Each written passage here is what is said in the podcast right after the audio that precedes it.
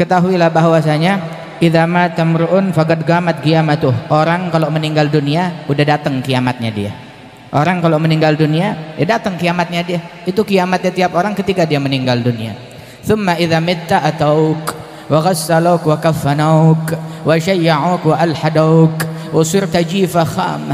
Apabila besok engkau mati engkau bakal dikafani dimandikan dikafani kemudian juga disolatkan dikubur tinggal sendirian sendirian dikubur sendirian atau rame-rame sendirian nggak ada yang nemenin kita orang yang kita bela mati-matian nemenin nggak yang kita bela mati-matian nemenin nggak yang gara-gara dia kita ninggalin sholat jamaah nemenin kita gak? Gara-gara dia kita mencaci nemenin kita gak? Gara-gara dia kita namimah nemenin kita gak? Sama siapa yang dikubur? Sendiri. Sendiri. Khudil khabar, ente dikubur sendirian. Sendirian. Yang nemenin kita apa? Kalau kita dulu baca Quran, yang nemenin kita Quran. Kalau dulu kita zikir, yang nemenin kita zikir. Kalau dulu kita sholat, yang nemenin kita sholat.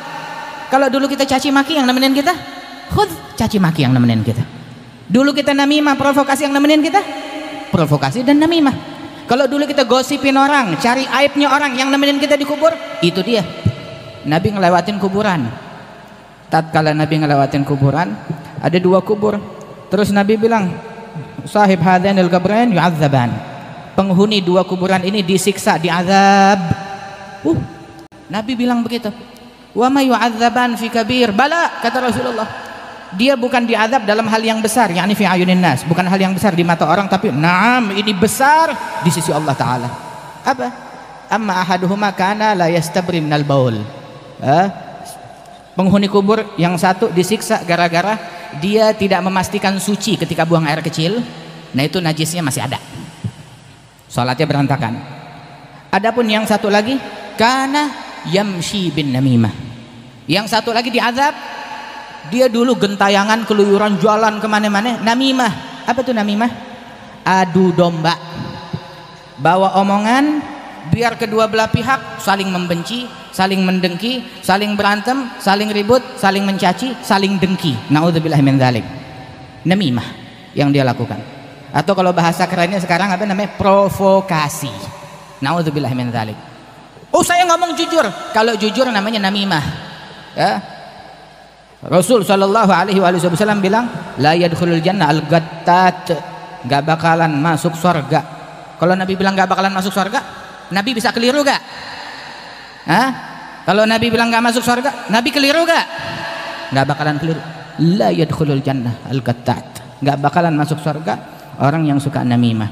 Saudara, ya kita masuk kubur udah pasti, udah pasti kita masuk kubur. Nah kita di dalam kubur yang ditanya apa? man man rabbuka siapa Tuhanmu waman nabiyuka siapa nabimu itu yang ditanya begitu. Terus apa lagi? Ditanya man ikhwanuk siapa saudara-saudaramu? Al muslimun ikhwani. Maaf maaf kita dikubur nggak bakalan ditanya partai kita apa? Maaf maaf nggak bakalan ditanya. Untuk boleh panjang lebar cari ada dalilnya ditanya dalam kubur? Nggak bakalan ditanya.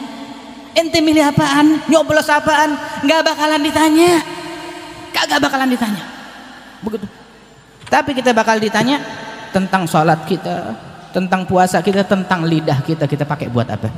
Tentang hati kita, kenapa dinodain? Kenapa dikotorin? Kenapa kita membenci, mendengki?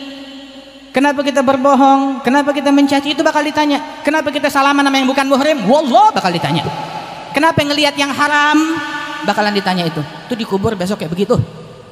Jangan kita sibuk sama sesuatu yang kagak bakalan ditanya. Nabi Shallallahu Alaihi Wasallam ditawarin jabatan kagak mau. Tawarin dunia kagak mau. Tawarin gunung berubah jadi emas kagak mau. Shallallahu Alaihi Wasallam. Waktu ada sahabat tuh kehilangan ontaknya terus dia jadi depresi. Nabi bilang ah saya kira dia depresi gara-gara ketinggalan takbiratul ihram sama imam. Nggak taunya cuma gara-gara ontak gara-gara dunia. Dia kayak orang stres begitu. Sampai itu orang bilang, "Ya Rasulullah, takbiratul ihram bersama imam lebih bagus daripada unta saya, lebih bagus daripada unta seisi dunia." Wallah, ini kita hadir majelis di sini. Hadir majelis di sini lebih bagus daripada jabatan bukan jabatan se-Indonesia, jabatan seisi dunia. Daripada kursi seisi dunia. Faham nggak? Ini yang paling paham nih omongan tahu siapa?